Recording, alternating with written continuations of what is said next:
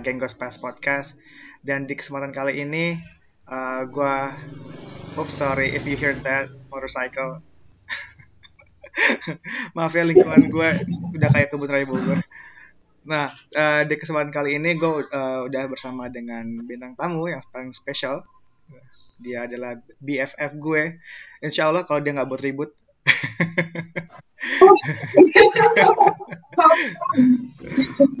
um, her name is Tias, and then if you wanna, you know, if you know about her background, this is quite amazing because she used to work as a social media marketing, and then as a creative designer, business development, and now uh, she's become sales and marketing assistant, and then it's for international business. Dan karena dari background yang banyak itu, uh, gue kepikiran buat uh, ngangkat topik nih uh, terkait uh, dunia pekerjaan. Apakah kerja itu membutuhkan bahasa Inggris atau tidak tuh?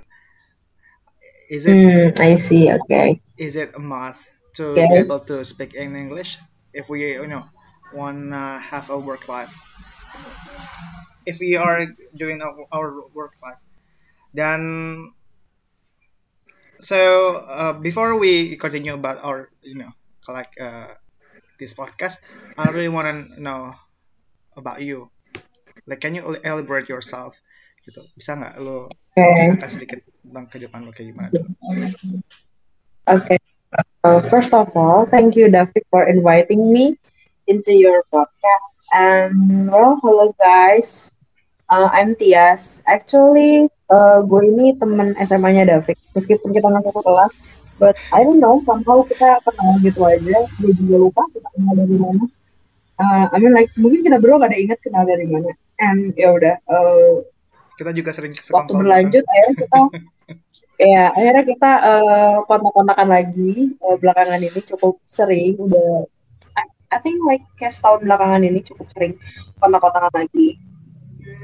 Dan di situ gue baru tahu ternyata David itu sedang mengimprove Inggrisnya dan yang gue tahu waktu SMA itu adalah David itu uh, not so good in English dia dia berada di kelas internasional but he's not that good. I mean like not as good as me. His English isn't, isn't as good as me but are you sure how, he's improving a lot. how I mean, do you know bitch?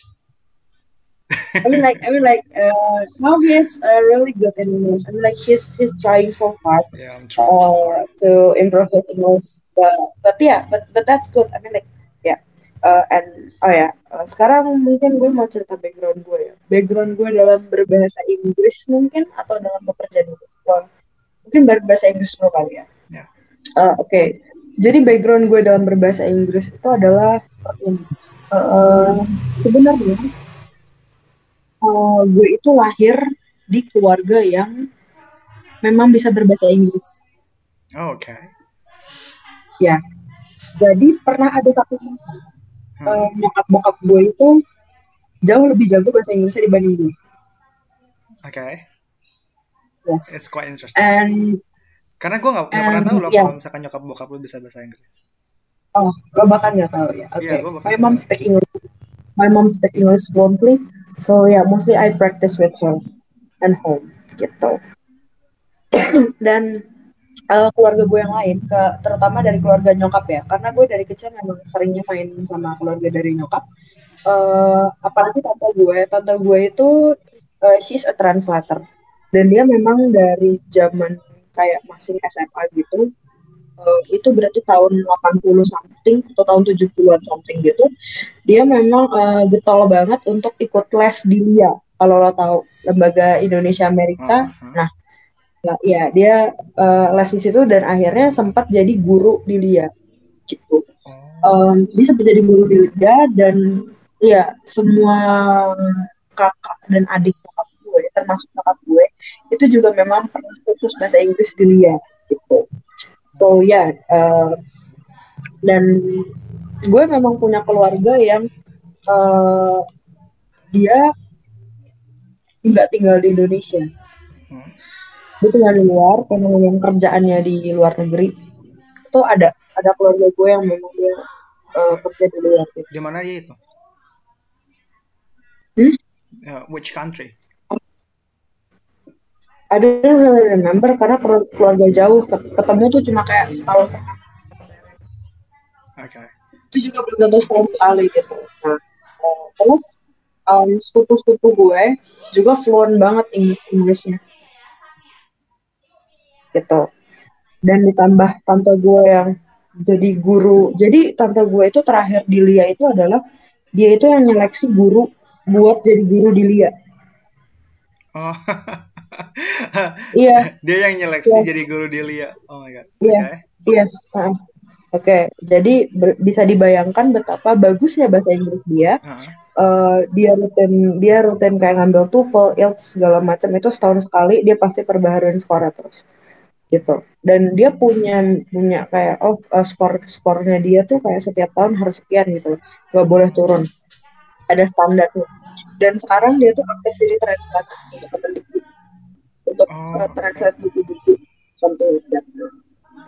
Um, nah, karena di masa kecil gue adalah sering main sama sepupu-sepupu gue hmm. yang memang fluent berbahasa Inggris dan tante gue ini dulu kebetulan belum nikah. Uh, jadi dia sering main sama keponakan-keponakan inilah dan dia sering ngajak kita kita itu main pakai bahasa Inggris. Oh. Kalau lo mau tahu, gue itu sih paling bodoh dalam berbahasa Inggris di masa itu. Di masa itu. Gue adalah Iya. Waktu gue kecil, gue adalah si paling bodoh dalam berbahasa Inggris. Oke, tapi nyokap lu bisa bahasa Inggris lah. Emang nyokap lu nggak pernah itu ngajakin lu bahasa ke bahasa Inggris gitu? Um, uh, enggak terlalu. Maksudnya gue bisa berbahasa Inggris hanya sekedar untuk pelajaran sekolah. Oh. Bukan lebih dari bukan untuk berkomunikasi. Hmm. Gitu. Sedangkan uh, saudara-saudara gue yang lain, sepupu-sepupu gue yang lain itu uh, sudah bisa berkomunikasi dalam bahasa Inggris. I mean like listening, speaking, yeah, they're good at that. Dan gue belum, gue belum. Jadi Tias kecil, Tias waktu masih kecil itu tuh jelek banget bahasa Inggris. Kalau lo, kalau mungkin lo baru tahu ya. seberapa gue jelek sih waktu itu lo? Seberapa jelek bahasa Inggris gue adalah, oh gue inget. Um, waktu gue SD kelas atau lu cuma bisa this is an apple, this is a table? No, uh, gini. Uh, waktu gue kelas 5 SD itu gue pernah uh, ulangan bahasa Inggris. Di situ ada gambar. sorry sorry, di situ ada gambar mobil pemadam kebakaran. Hmm. Lalu soalnya adalah ini bahasa Inggrisnya apa? Dan jawaban gue adalah shit Jawaban gue lo fire car. Even there's no fire at the car. So yeah, like how stupid I am. Bisa bisa bayangkan betapa bodohnya bahasa Inggris orang Tias di waktu itu. Mm-hmm. Oke, okay, uh, eh, lalu akhirnya gue mulai merasa kok gue bodoh banget ya bahasa Inggris uh, bahasa Inggris gue tuh kayaknya kok jelek banget ya akhirnya gue uh, coba lah untuk waktu itu pertama yang gue lakuin adalah denger lagu oh denger lagu denger lagu mm -mm. yang pertama gue lakuin adalah denger lagu. Uh, gue banyak dapat uh, referensi-referensi lagu-lagu barat juga dari nyokap gue kebetulan. Jadi gue dengerin zaman lu denger lagu itu pas sebelum lu bisa bahasa Inggris berarti? Iya. Berarti itu lu, waktu gue lebih menikmati terkait musiknya dibandingkan mengerti liriknya ya? Iya, iya karena gue memang seneng main musik dari masih kecil.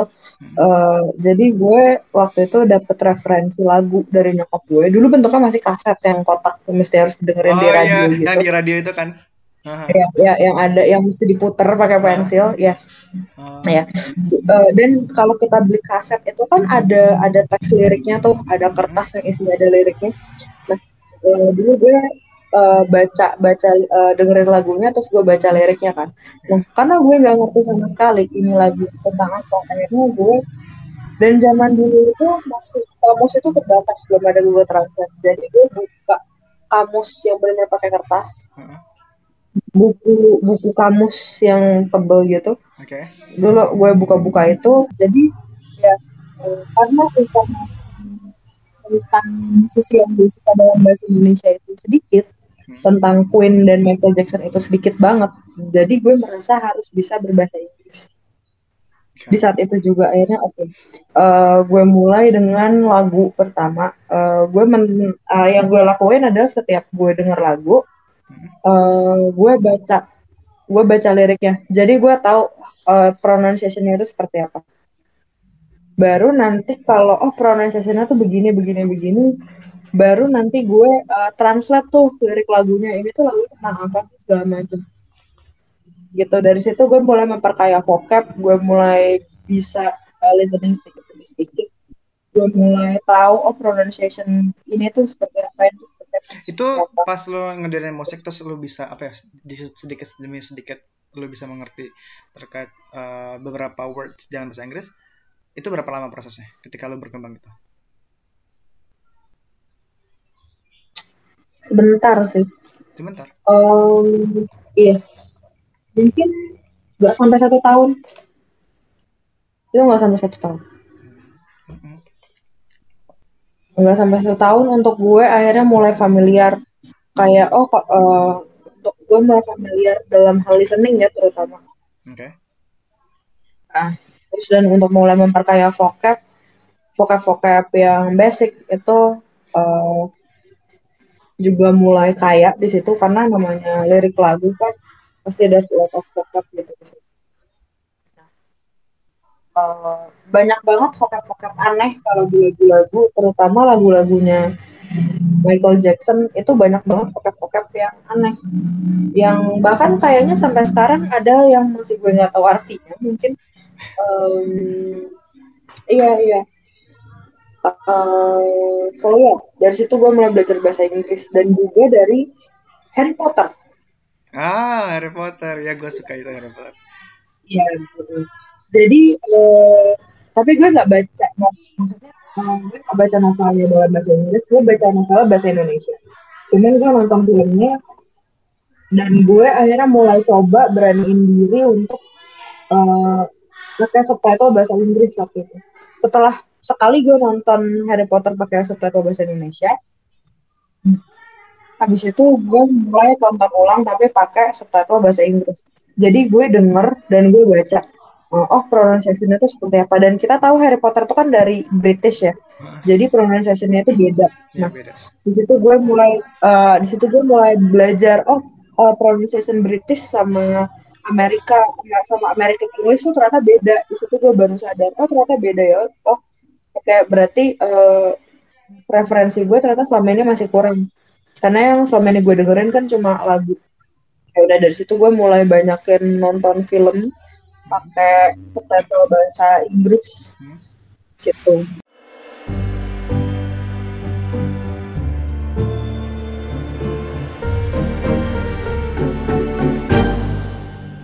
Ketika gue membandingkan apa uh, cara untuk bisa belajar bahasa Inggris dengan teman-teman gue yang sudah uh, ada di podcast ini itu caranya samakan dengan uh, membiasakan diri oleh language tersebut kan.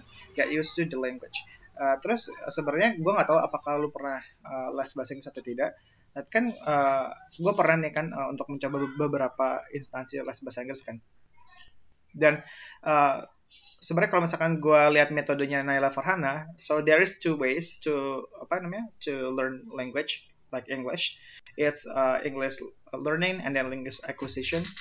Nah, English learning itu kayak misalkan sama seperti pendidikan di sekolah-sekolah gitu, yang formal. Terus kalau misalkan yang language acquisition itu ya kayak itu yang lu lakukan itu dengan listening and then uh, apa namanya get used to the language kan. Dan ternyata uh, lebih efektif kan untuk yang language acquisition gitu dan gue juga sudah mem, apa ya apa ya uh, mencobanya sendiri gitu. Ketika gue sudah berada di, di instansi di instansi yang formal kayak misalkan the course and then uh, sekolah gitu. Dan itu sama sekali nggak ngaruh dan malah membuat gue tuh lebih apa ya lebih pusing gitu kan. Tapi ketika gue mencoba untuk cara gue sendiri gitu so apa namanya gue lebih mendekatkan mendekatkan diri ke diri gue sendiri apa sih yang gue mau apa sih yang gue apa suka dan gak suka gitu. Dan akhirnya gue menemukan cara uh, cara gue sendiri untuk bisa belajar bahasa Inggris gitu. Mungkin uh, pertama kali gue harus ke apa namanya tuh ke instansi di Pare itu untuk belajar sedikit apa namanya uh, basicnya. Setelah itu gue kembangkan dengan cara gue dengan mem membiasakan diri gue oleh dengan bahasa Inggris gitu. Kayak misalkan listening to music, uh, making this uh, was it uh, YouTube channel or uh, IG language language IG, you name it. Terus uh, membebaskan diri gue dengan uh, what, uh, watching the Netflix or uh, watching YouTube. Gitu. Dan sebenarnya kalau misalkan kalian apa namanya mau belajar bahasa Inggris tapi kalian nggak punya uh, apa kayak nggak punya uang untuk uh, to acquire the language. It's not apa ya, itu bukan satu halangan itu. It's not the was it? Iya benar, benar. Ya kan, bukan satu ya, halangan betul. kan. Karena sebenarnya kalau misalnya kalian uh, language itu kan uh, apa ya? Apa ya? A, a common a common knowledge gitu. English is a common knowledge gitu. Jadi bukan bukan yang bukan kayak harus jadi apa become an expert to know the was it the, the knowledge. Tapi kalian juga bisa yeah. uh, belajar dengan cara kalian sendiri gitu. Uh, seperti yang gue udah contohkan gue itu sama sekali nggak apa ya nggak acquiring the, the knowledge by formal gitu. In, in a formal setting itu dan apa ya belajar dengan in, informal setting itu membuat gue lebih lebih apa ya lebih pusing sendiri gitu. Nah biasa kalian temukan aja cara kalian sendiri bagaimana entah itu dari watching uh, video ataupun listening to music yang paling penting adalah consistent uh, you know what yeah, you betul. want you know what you do you have to be consistent on it gitu jangan cuman yeah. dan gue yakin Tias tuh ngedengerin apa namanya video-video bahasa Inggris nggak cuman apa sekali dua kali pasti udah sering-sering sering sekali dan, oh, dan bahkan setiap yeah, hari kan yeah. almost every day gitu iya. mungkin yeah. mungkin yang untuk yang saat ini mungkin sekarang karena mungkin apa yang yang lu mau sudah lu dapatkan gitu mm-hmm. gitu um, oke okay. eh, kalau nah itu mungkin hanya untuk berbahasa Inggris pasif yeah. how to become an active and how to become an active gimana you have to practice yourself right yes uh, find a, how find I practice kan? Ya uh, how do I practice? Itu pertama uh, akhirnya uh, gue find out bahwa ternyata nyokap gue bisa bahasa Inggris. Kayak gue baru sadar pas gue udah SMP bahwa gue baru tahu bahwa nyokap gue tuh bisa ngomong bahasa Inggris. Like how come? Gitu terus akhirnya gue praktis sama dia di rumah. Um, meskipun masih berantakan kayak apa uh, terutama kayak tenses segala macam itu masih berantakan banget. Uh, gue coba tetap sama dia sama nyokap gue pertama terus sama tante gue juga kalau gue lagi ke rumah nenek gue. Uh, kalau ngumpul di sana kita coba praktis dalam bahasa Inggris kan. Kalau ngobrol sama tante gue pas pakai bahasa Inggris segala macam. Terus kayak uh, gue mulai membiasakan diri berbahasa Inggris tuh pakai hal-hal kecil. Uh, kayak misalnya setting handphone itu gue dari pertama punya handphone gue pede untuk ya udah gue set language-nya pakai bahasa Inggris gitu. Indonesia kayak hal-halnya hal simpel hal-hal kecil. Kayak setup komputer setup laptop itu pakai bahasa Inggris. Gue mulai membiasakan diri kayak gitu. Uh, pakai bahasa Inggris itu juga karena teknologi. Uh, jadi base gue dalam berbahasa Inggris adalah pertama gue dengerin lagu, nonton film, dan yang kedua tuh teknologi sebenarnya. Teknologi itu berpengaruh itu besar banget ke hidup gue dalam gue berbahasa Inggris. Besar banget karena um, bahasa teknologi itu bahasa dunia IT ya. Kebetulan gue kan juga kecimpung di dunia IT juga. Jadi memang uh, sumber-sumber bacaan, sumber-sumber pengetahuan yang gue dapet itu uh, kebanyakan itu masih dalam bahasa Inggris lebih banyak uh, gue bisa dapat itu dalam bahasa Inggris. Jadi mau nggak mau ya jadi mau nggak mau gue juga harus bisa banyak bahasa Inggris. Karena gue kebetulan senang sama dunia-dunia IT itu udah dari dulu. Jadi ya itu juga salah satu yang mengimprove bahasa Inggris gue sih dan benar sih kata David tadi kalau kita nggak punya uang itu bukan alasan kita untuk nggak bisa berbahasa Inggris. Yeah. Karena FYI mungkin David juga nggak tahu ya. Dulu gue waktu SMP itu SMP gue itu deket banget sama perpustakaan Keramat Pela. Nah setiap pulang sekolah gue tuh sering banget mampir ke situ untuk baca buku. Oh, so, ya. ya mungkin lo nggak tahu tapi lo bisa tanya beberapa teman-teman SMP gue gue adalah salah satu member perpustakaan Keramat Pela yang memang aktif untuk cari buku di sana. Thought baca you buku di sana. books. Nah? I thought that you hate books. I mean, like when no. when we were no. in high school, I don't think that you wanna, you know, learn or become a nerd, right? No. You're like a free yeah. person. No, no, no. Uh... Itu ada tahu bulat. lu lu mau nggak tahu bulat? Ntar gue kirimin.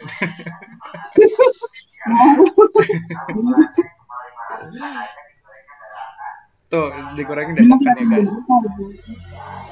Gak apa? Uh, sebenarnya buku uh, apa ya?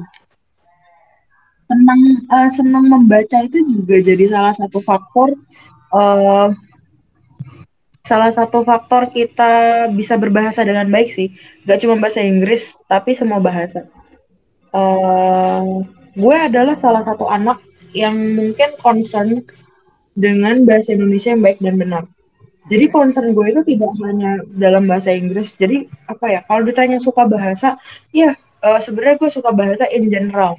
Bukan cuma bahasa Inggris, tapi gue juga suka berbahasa Indonesia. Uh, gue suka sastra Indonesia. Gue suka dengan cara penulisan penulisan uh, bahasa Indonesia mulai dari yang zaman dulu banget sampai sekarang yang sudah diperbaharui. Seperti itu. Uh, ejaan yang sudah diperbaharui sekarang gitu loh. Dan gue juga sampai sekarang berusaha untuk kalau balas chat segala macam itu tuh berusaha untuk ngikutin kaidah-kaidah Puebi sebisa mungkin. Bahkan kadang uh, ngechat ngechat orang yang sebenarnya simpel aja. Gue kadang suka buku suka buka buku-buku Puebi untuk ini tuh sebenarnya uh, dipisah apa dikasih spasi atau enggak. Terus yang benar itu pakai huruf pakai huruf Z atau J. Iya iya iya iya iya. Memang kurang kerjaan cuman cuman uh, kayaknya memang harus dibiasakan seperti itu biar yes. kita bisa lancar berbahasa. Yeah. bahkan untuk kayak keyboard handphone aja uh, gue install Grammarly biar ya, uh, kalau memang iya kalau memang rasa grammar berantakan bisa langsung dibenerin sama Grammarly kayak oh ternyata gini cara bener.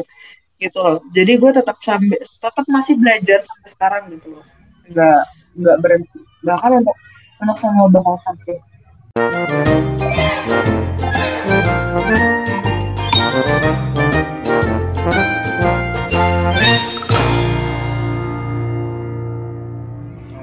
Oh, ya, uh, kan tadi kan lo juga ngebahas kan tentang, tentang kerjaan lo yang tak bisa dengan IT kan. Uh, terus hmm. kalau misalkan melihat dari resume lo, Uh, so basically you do a lot kan. Boleh nggak sih kita diceritakan bagaimana awalnya lu meniti karir? Oke, okay. awalnya gue meniti karir. Jadi sebenarnya ini semua tuh nggak sengaja. Semua karir gue itu tuh karena sebuah tidak sengajaan. Jadi kuliah gue adalah basicnya gue ini anak teknik komputer. Uh, gue kuliah IT, komputer dan di situ sudah jelas banget. Karena gue kuliah komputer berarti uh, sumber bacaan yang bakal gue dapat itu kebanyakan dalam bahasa Inggris. Dan istilah-istilah dalam dunia IT itu juga semua pakai bahasa Inggris. Gitu.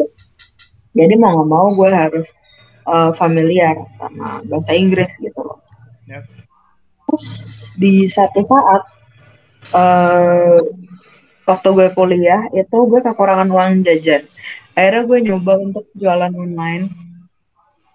Di dulu tahun 2014 media cuma Instagram.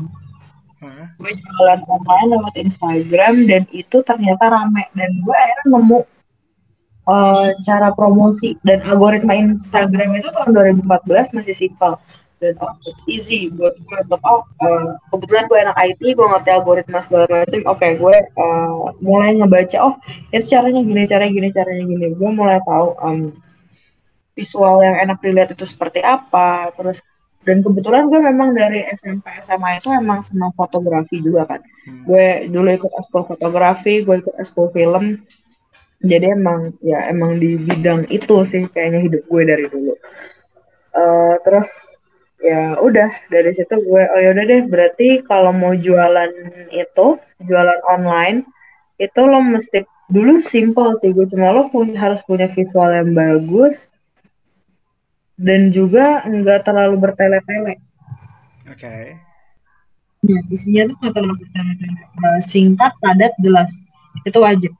Nah, akhirnya gue praktekin itu terus, gue ikut promosi, uh, promosinya tuh zaman dulu uh, gue join di account orang, jadi gue nggak promosin account dia, dia promosin account gue, gitu terus. Oh, okay, okay. Itu sampai, ya itu sampai kayak setahunan, itu kayak setahunan kayak gitu gue ngelakuin itu dan, ya?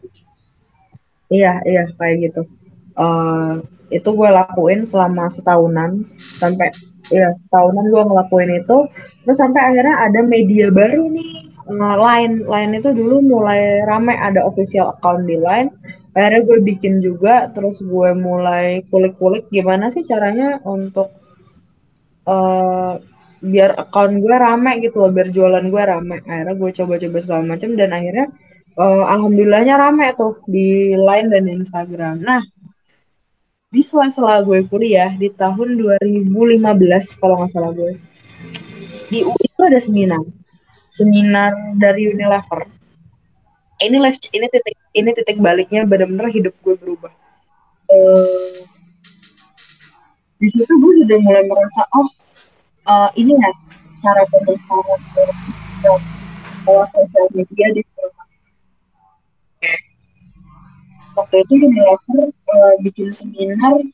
Gue nggak terlalu ingat judulnya apa. Pokoknya di uh, di dalam seminar itu dia itu menjelaskan tentang uh, teknik pemasaran dia strategi marketing dia uh, untuk brand-brand miliknya Unilever gitu.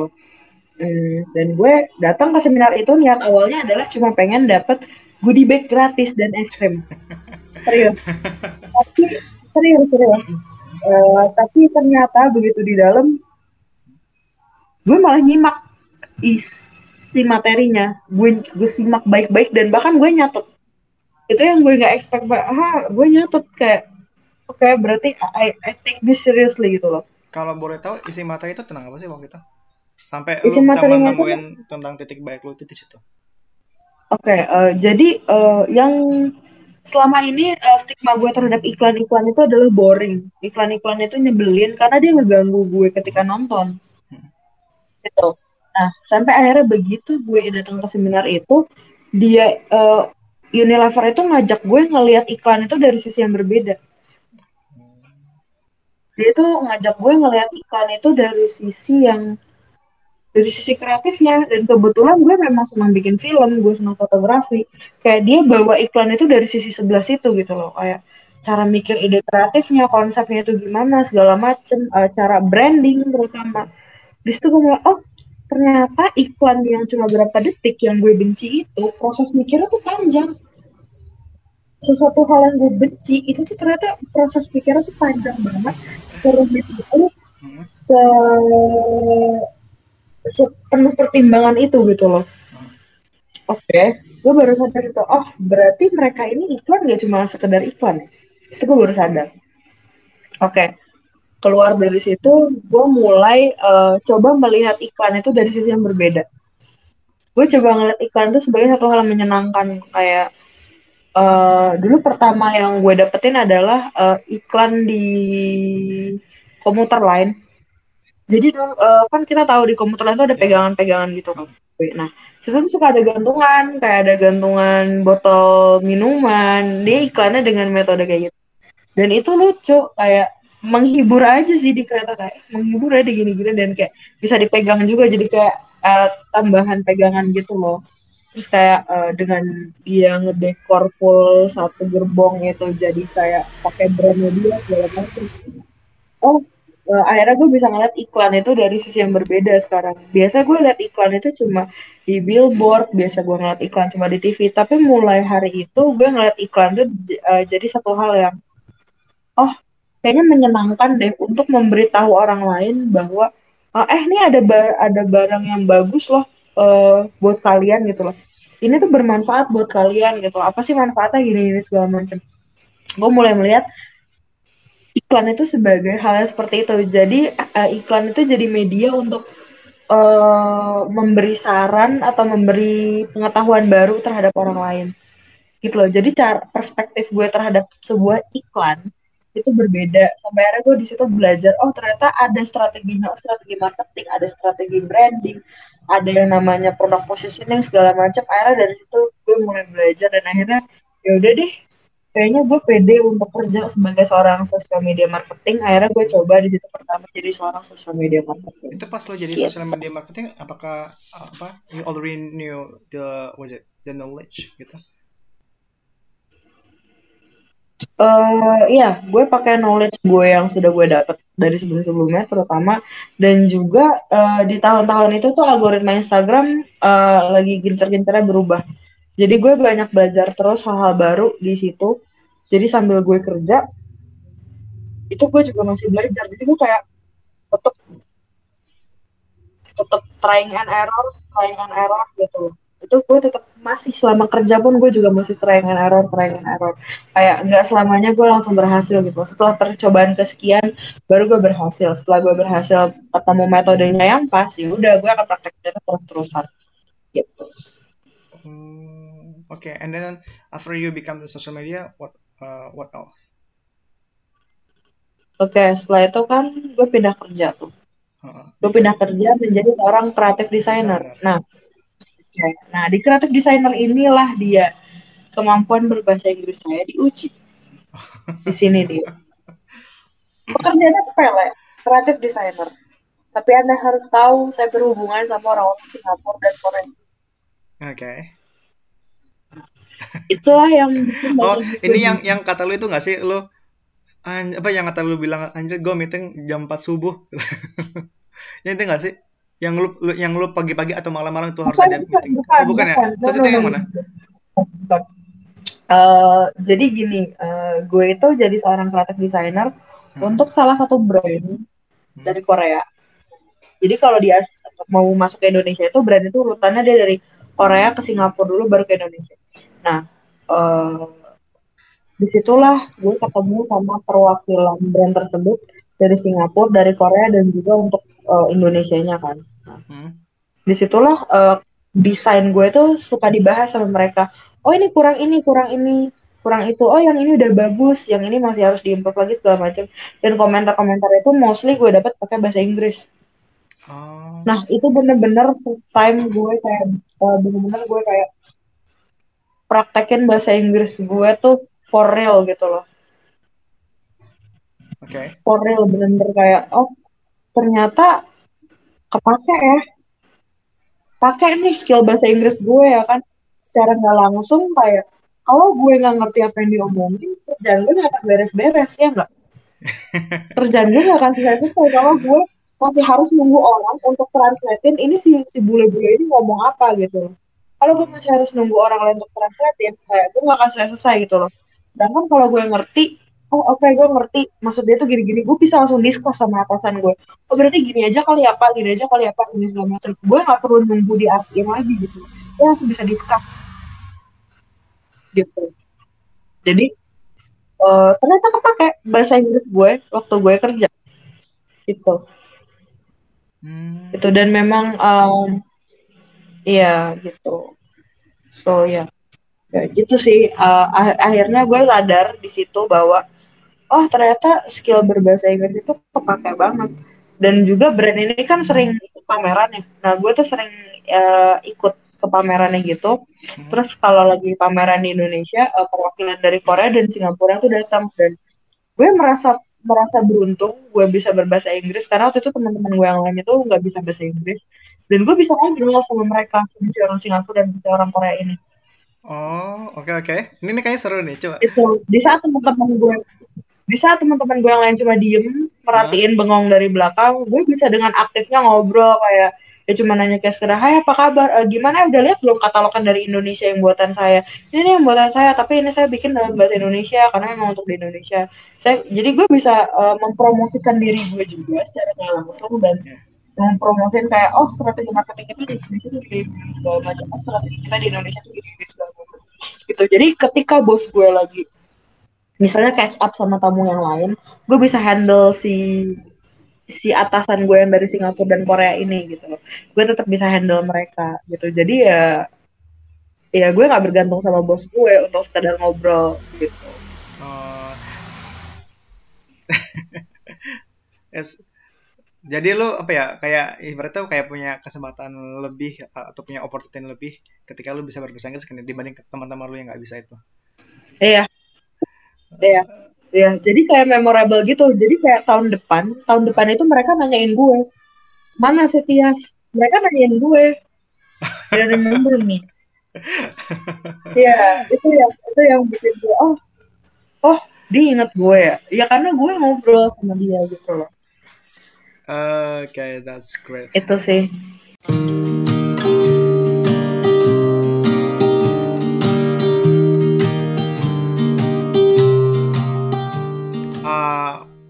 Oh ya guys. Nih uh, jadi jangan pernah apa ya kayak memandang rendah atau menyepelekan segala hal gitu kan.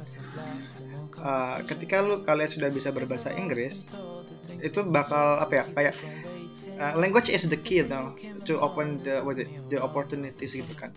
Nah ketika kalian sudah bisa berbahasa Inggris bakal banyak hal insight yang bagus yang kalian akan dapatkan entah dari mana pun gitu jadi jangan pernah takut untuk belajar jangan pernah apa ya ataupun uh, jangan pernah memandang rendah orang lain yang sedang belajar gitu. Karena uh, dia ini apa ya tengah berjuang untuk mendapatkan opportunity tersebut gitu.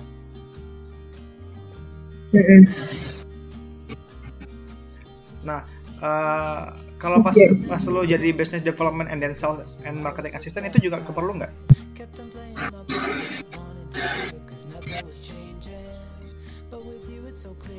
Oke. Okay.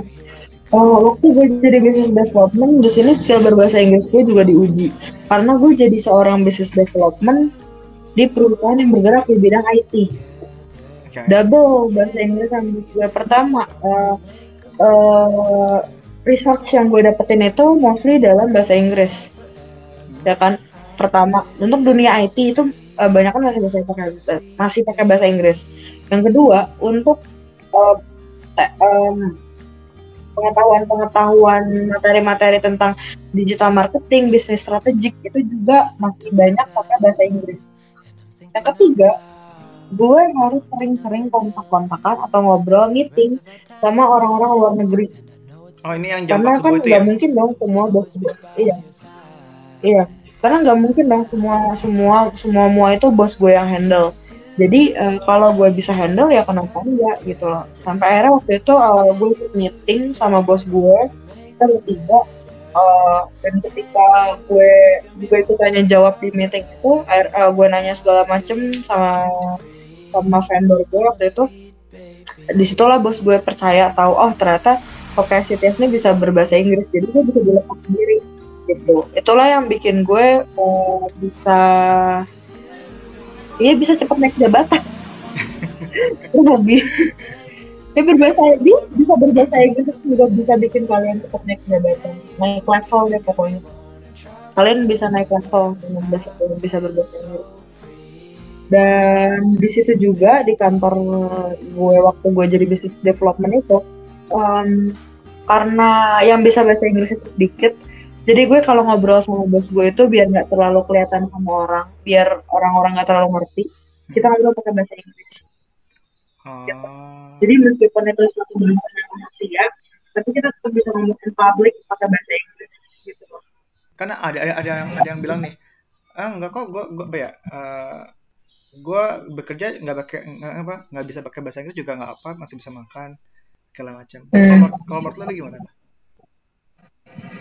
Benar, uh, statement yang tadi dibilang itu benar. Gue masih bisa kok makan meskipun nggak pakai bahasa Inggris. Benar, itu benar statement itu. Tapi, tapi jalur cepatnya adalah dengan lo bisa berbahasa Inggris. Dengan lo kayak gimana ya? Lo bisa berbahasa Inggris tuh ibarat kayak kalau lo ke Dufan lo punya tiket fast track. Nah, iya, lo bisa lo bisa motong antrian, lo bisa ya udah gue mau naik duluan itu bisa gitu. Kayak lo tuh kayak VIP aja gitu dengan lo bisa bahasa Inggris lo tuh VIP hmm. gitu. Benar uh, yang tadi David bilang itu benar bahwa gue masih bisa kerja meskipun nggak berbahasa Inggris. Gue masih bisa makan sih nggak berbahasa Inggris. Iya tapi itu jaluran normal. Lo mau jaluran super atau VIP bisa bahasa Inggris. Oh. Depan tiket fast track ada gue ngebayangin dong. Iya. Oh ya jadi ya itu. Kalau kalau itu pas ya. pas lo berbahasa Inggris kalau struggle struggle yang pernah lo hadapin apa itu? Apa aja? Kalau gue nih misalkan uh, gue misalkan uh, kan kan kalau kalau gue kan uh, tipe orang yang apa ya yang apa ya, yang bisa kelihatan kan uh, apa orang-orang oleh orang lain gitu. Bisa terbaca lah. Misalkan gue pengen pengen bisa belajar bahasa Inggris ya ya gue bakal ber, bakal perjuangan itu kan. Dan orang-orang lain juga bisa bakal melihat bisa bisa melihat itu kalau gue tuh sedang sedang belajar kan. Dan saran gue adalah ketika uh, beberapa orang ada yang ngomong ya something ya yang enggak ya, ya, ya, ya, ya, nah kalau ya, lu kalau lu sendiri itu bagaimana tuh struggle yang lu hadapi waktu itu? Struggle gue dalam berbahasa Inggris itu dulu karena fasilitas gue kebetulan cukup terbatas waktu masih kecil Uh, jadi fasilitas gue itu cuma kamus. Gue punya satu buku kamus turun temurun dari nyokap gue. Ingat banget ini kamus tuh dari nyokap gue. Jadi gue itu uh, banyak baca dari situ. Nah, ketika ada vocab yang gue nggak ketemu dari situ, gue bingung harus lari ke mana dulu. Sampai akhirnya ya ketemu gue translate akhirnya. Ya udah, gue cari. Bahkan gue pinjam alphalink temen gue pun kayak tetap nggak ada vocabnya. Jadi udah gue akhirnya di situ tahu ada Google Translate ya udah. Gue main-main deh ke warnet tuh dulu. Gue ke warnet kayak gue copy paste itu satu lirik lagu terus gue taruh di Google Translate gue baca gitu kan. Oh artinya tuh ini gitu loh. Itu itu struggle yang gue hadapin sih uh, lebih ke fas lebih ke fasilitas ya. Sama hmm, kalau ada itu yang yang kayak gue itu ada nggak lo? Yang yang apa? Yang kayak orang lain yang atau ngomong ah soal bahasa Inggris Oh, yang, yang nyinyir nyinyirin gitu. Oh, kebetulan nggak ada. Jadi lingkungan SMP gue itu sangat amat suportif untuk berbahasa Inggris kebetulan. Jadi kayak uh, banyak juga teman-teman SMP gue yang ternyata emang jago berbahasa Inggris gitu loh. Jadi gue juga banyak belajar dari dia, banyak banyak ngeliatin cara dia kalau ngomong tuh gimana sih? Pronunciation dia tuh gimana? Uh, iya jadi gue belajar itu nggak melulu dari baca buku dengerin lagu gitu juga gue ngeliatin teman-teman gue. Nih gimana sih cara mereka pronounce-nya? Terus gimana sih cara mereka belajar bahasa Inggris gitu loh. Itu tuh gue liatin gitu.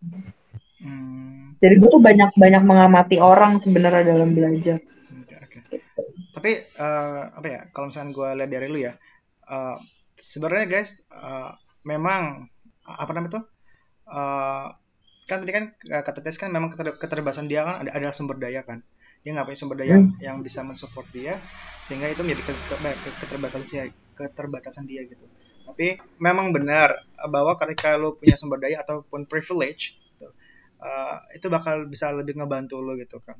So well gue harus nggak apa mengakui gitu that privilege is a real gitu kan is a real thing gitu kan. Privilege is exist gitu.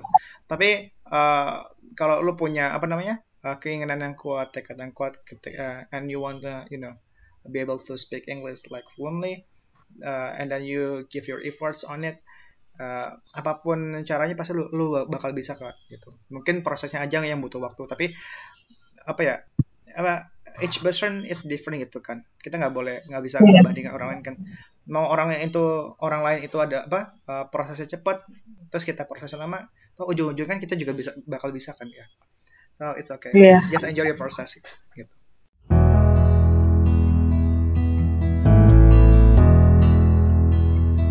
I've been lying here for too long. I don't know what else to do Tadi ada ini di last question for you gitu kan. So uh, kan kita tahu kan kalau misalkan apa uh, perkembangan zaman tuh bakal bakal terus apa ya berkembang kan. Uh, even di, in di Indonesia ataupun in the world kan.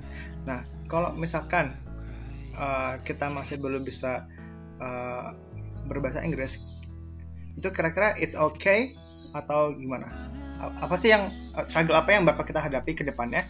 Kalau misalkan kita belum bisa berbahasa Inggris dan apa sih benefit yang bakal kita dapatkan ketika ke, ke depannya kita sudah bisa berbahasa Inggris?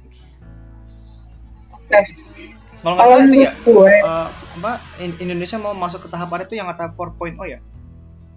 Gue gue iya kan juga kita kan sekarang udah masuk ke industri 4.0 ya. Jadi industri 4.0 ini kalau menurut gue adalah uh, persaingan dunia kerja itu makin ketat lagi, makin gila lagi, makin keras lagi. Uh, bisa bayangin akan ada banyak tenaga kerja asing masuk ke Indonesia dengan kemampuan-kemampuan dia yang mungkin di atas kita. Uh, ini bukan kemampuan berbahasa ya, ya bekerja dia di atas kita terus dia memang bisa berbahasa asing selain bahasa Indonesia dan dengan ber, uh, ya itu kesempatan kita untuk tergerus oleh zaman itu makin besar lagi kalau kita nggak bisa bahasa Inggris minimal karena bahasa Inggris adalah bahasa yang paling universal kan bahasa yang paling common gitu di dunia. Uh, ya jadi kalau menurut gue bukan cuma Indonesia aja kok yang terima tenaga kerja asing tapi di luar sana juga banyak yang terima tenaga kerja asing uh, untuk hal-hal yang profesional ya. Bukan untuk tenaga yang how do I uh, bukan untuk tenaga yang kecil tapi untuk tenaga yang besar tenaga yang besar maksudnya kayak uh, kayak dia untuk menjadi seorang seorang CEO mungkin jadi seorang CFO uh, untuk mengisi posisi-posisi jabatan-jabatan atas di satu perusahaan gitu loh.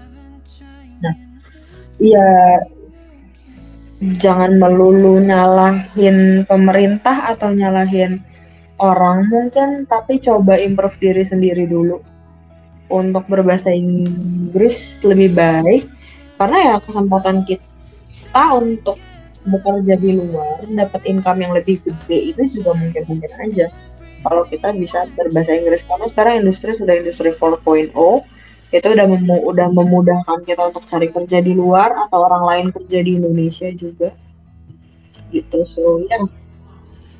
banyak-banyak belajar bahasa Inggris kalau emang uh, kita kerja di Indonesia aja nih. Tapi kita bisa berbahasa Inggris ya kayak yang gue bilang tadi di awal.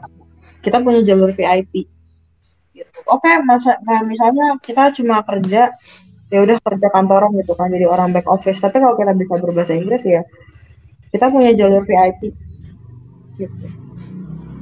Karena ya kerjaan gue sekarang yang gue dapat juga karena gue bisa berbahasa Inggris. Bukan ya pengalaman juga sih. Cuman lebih utamanya karena gue bisa berbahasa Inggris dan gue punya pengalaman gitu. Tadi sih apa statement lo yang kata lo bilang jangan melulu nyalain pemerintah tapi lebih baik improve diri sendiri. Itu itu gue gue suka banget tuh Iya, jadi jangan jangan melulu tiap lihat berita, oh ada tenaga kerja asing masuk Indonesia, tenaga kerja asing masuk Indonesia. ya dia bisa, dan emang industrinya udah seperti ini, emang industri pekerjaannya udah seperti ini. Jadi kayak jangan melulu nyalahin pemerintah yang ya ya kita juga ya pemerintah juga mau yang terbaik gitu loh buat negara kita gitu. Ya kan? Hmm. Iya, ya udah gitu loh kalian juga kalau bisa jadi yang terbaik ya kalau kualitas sumber daya manusia di Indonesia ini juga setara dengan tenaga kerja asing tersebut ya ngapain pemerintah nyari orang jauh-jauh di luar. Ya. gitu loh. Gitu. Tuh guys jangan melulu nyalahin orang dan situasi guys. Well itu sebenarnya juga ceramahan buat gue sih. Ceramahan buat kita kita juga suka Kenapa? menyalahkan keadaan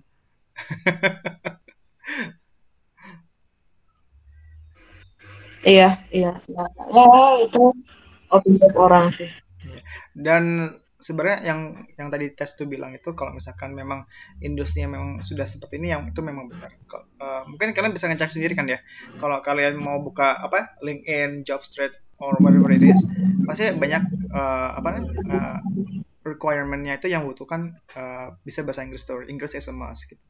Ya betul ya. Sudah sudah sudah? Ya, sudah mulai ke arah situ itu memang memang seperti itu gitu kan. Kalau misalkan kalian tidak apa tergerak diri untuk berubah untuk menjadi to become better, uh, ya udah berarti jangan menyalahkan orang lain gitu, salahkan diri kalian sendiri yang mana kalian itu tidak mau uh, apa uh, berkompetisi untuk hal tersebut gitu. Dan gue juga apply ke Dubai jadi doain ya yes ya. Oke, ya semoga sih, semoga yang terbaik. Hmm, semoga yang terbaik sih. ya terma yang semoga yang terbaik juga dan bahkan uh, mengenai mengenai industri 4.0 ini ya dikit lagi tuh uh, bahkan gue itu sekarang nanganin bisnis untuk di luar negeri hmm. gue bukan uh, jadi dulu gue sempat jadi seorang bisnis development tapi untuk di Indonesia sekarang cakupan gue lebih luas karena untuk uh, handling bisnis bisnis di luar negeri. Gitu. Jadi gue mencari klien itu di luar sana bukan di Indonesia lagi. Iya. Jadi ya, itu, ya, itu, itu tuh itu, yang yang itu enggak sih? yang apa namanya? Yang kerjaan lo yang yang sempat gua itu juga. Iya. Itu ya? Iya iya, iya sampai iya. itu, itu itu itu gila banget sih gua kagak ngerti. Iya. Itu jadi uh, ya gitu deh gitulah pokoknya bahasa Inggris tuh penting sih gitu karena uh, kunci kalau kita mau mengerti sesuatu itu jadi gini ya uh, kita ambil contoh si David deh. David ini tuh dulu waktu SMA jago banget fisika. Sekarang goblok tapi, fisika. tapi okay. David nggak akan pernah bisa fisika kalau David nggak ngerti bahasa Indonesia. Jadi yang harus dipelajarin itu bahasanya dulu, baru bidang spesifiknya. Jadi kalau kita nggak bisa berbahasa, gimana kita mau improve bidang-bidang spesifik tersebut nah. bekerja? Okay. You've got the point, girl. Itu poin. Tuh guys, kan sudah mendapatkan ceramah dari Mama Tias. Ntar lu jamaah. Eh. Nah, uh, mungkin itu yang bisa uh, apa uh, kita sampaikan buat kalian yang mendengarkan podcast ini. Uh, semoga ada yeah. insight yang baik uh, yang bisa kalian dapatkan Amin. gitu. Uh, dan semoga kalian setelah mendengarkan uh, ini juga nggak apa ya, nggak nervous ataupun nggak nggak takut uh, akan apa ya situasi yang ada gitu. Yang memang memang kondisinya seperti itu gitu. Memang kondisinya mem yeah. memaksa seperti itu. Jadi uh, kita kita di sini uh, Tias gua di sini tuh apa ya kayak pengen apa ya menggerakkan men-trigger kalian biar kalian tuh bisa memulai untuk bisa belajar gitu dan terus belajar. Mm. Tias pun sekarang juga masih iya. belajar gitu Gue pun masih, juga masih, masih belajar. belajar. Dan iya. uh, about the privilege again gitu. Memang apa ya dengan apa ya mempunyai privilege entah itu kalian bisa uh, bisa sekolah di luar negeri ataupun bisa apalah gitu uh, go to international school itu memang apa namanya uh, membantu gitu. Tapi banyak kok resources resources yang bisa membantu kalian juga dan it's free gitu.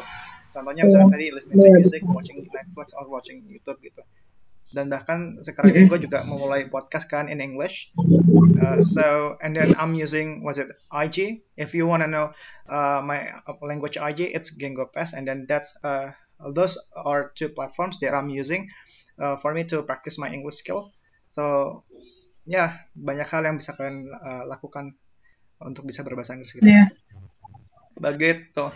Dan kalau kalian tetap nggak mau apa, uh, try uh, try to you know uh, learn English, uh, ya again tadi itu kalian bakal bakal ketinggalan gitu dan jangan salahkan siapa pun untuk hal yang nggak kalian yang apa ya, yang kalian sudah putuskan gitu. Begitu.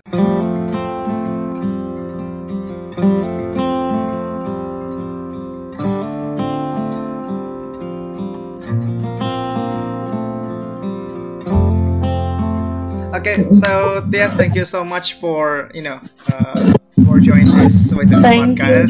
You. Thank you for having me. Oke, okay. nggak sih sebenarnya gue nggak ngundang Tias, gue memaksa Tias untuk ke sini. Tias, lu mau nggak jadi narasumber gue? Gitu. Apa sih yang gak buat David ya udah gitu. Uh, thank you so much dan terima kasih juga udah uh, apa uh, men-share kehidupan lo, men-sharing apa uh, it, karir lo kayak gimana juga dan terima yeah. kasih telah juga telah membantu uh, audiens yang ada di sini uh, tentang pentingnya berbahasa Inggris walaupun even di dunia kerja sekalipun yeah. gitu. So uh, I'll see you next time guys. So don't forget to uh, what is it? I don't know this is uh, language IG, right? So don't forget to follow my language IG. It's uh, Gengo Pass. And then if you wanna, you know, follow my YouTube channel, then go ahead feel free to follow me and then for you who don't want to follow me and it's okay it's fine and then uh, actually me and Tias my BFF has uh, what is it like a small business it's uh, called Welcome so if you wanna you yeah. know uh, what is it uh, apa mencari tahu lebih lanjut uh, terkait welcome ini. So this business runs in a skincare uh, and then the apa body care area. So if you wanna look pretty like us, don't forget to follow welcome. Uh, it's at well.com.ai kan? Yes. Well.com.ai. Uh, but but this yeah okay. but this business is isn't just about business. It's about a vision. I mean, like uh, we we both of us have a mission uh, oh, yeah. about something. Yeah, yeah. You, you can check it out. You can check it out at yeah. our Instagram account. Yeah, actually, it's not uh, it's not uh, an ordinary business, but this business has a mission to change yeah. uh, the stigma. And if you wanna know what is the stigma or what is was it uh, that when, uh, the things that we wanna change, uh, go ahead. just you know follow our business account at well.com.ta. Yes. Well, we actually wanna uh, wanna make it like a welcome.ta, but someone already stole it, stole the name. so it's okay, uh, but it's pronounced welcome.ta. So thank you, Tias, uh, for joining this was it uh, podcast, and um, I hope that you are uh, you know uh, ke depannya lu bakal menjadi yang lebih baik. Uh, semua semuanya yang baik-baik ke lu semua. Dan Amin. tetap selalu sehat salam buat keluarga lo juga. Nah salam buat adik lo yeah, dan mama lo yeah. and then goodbye. Oke? Okay? bye. Oke okay, bye. My scars bruises and broken heart numbed all the pain. Show me how to heal, and now I don't feel broken anymore.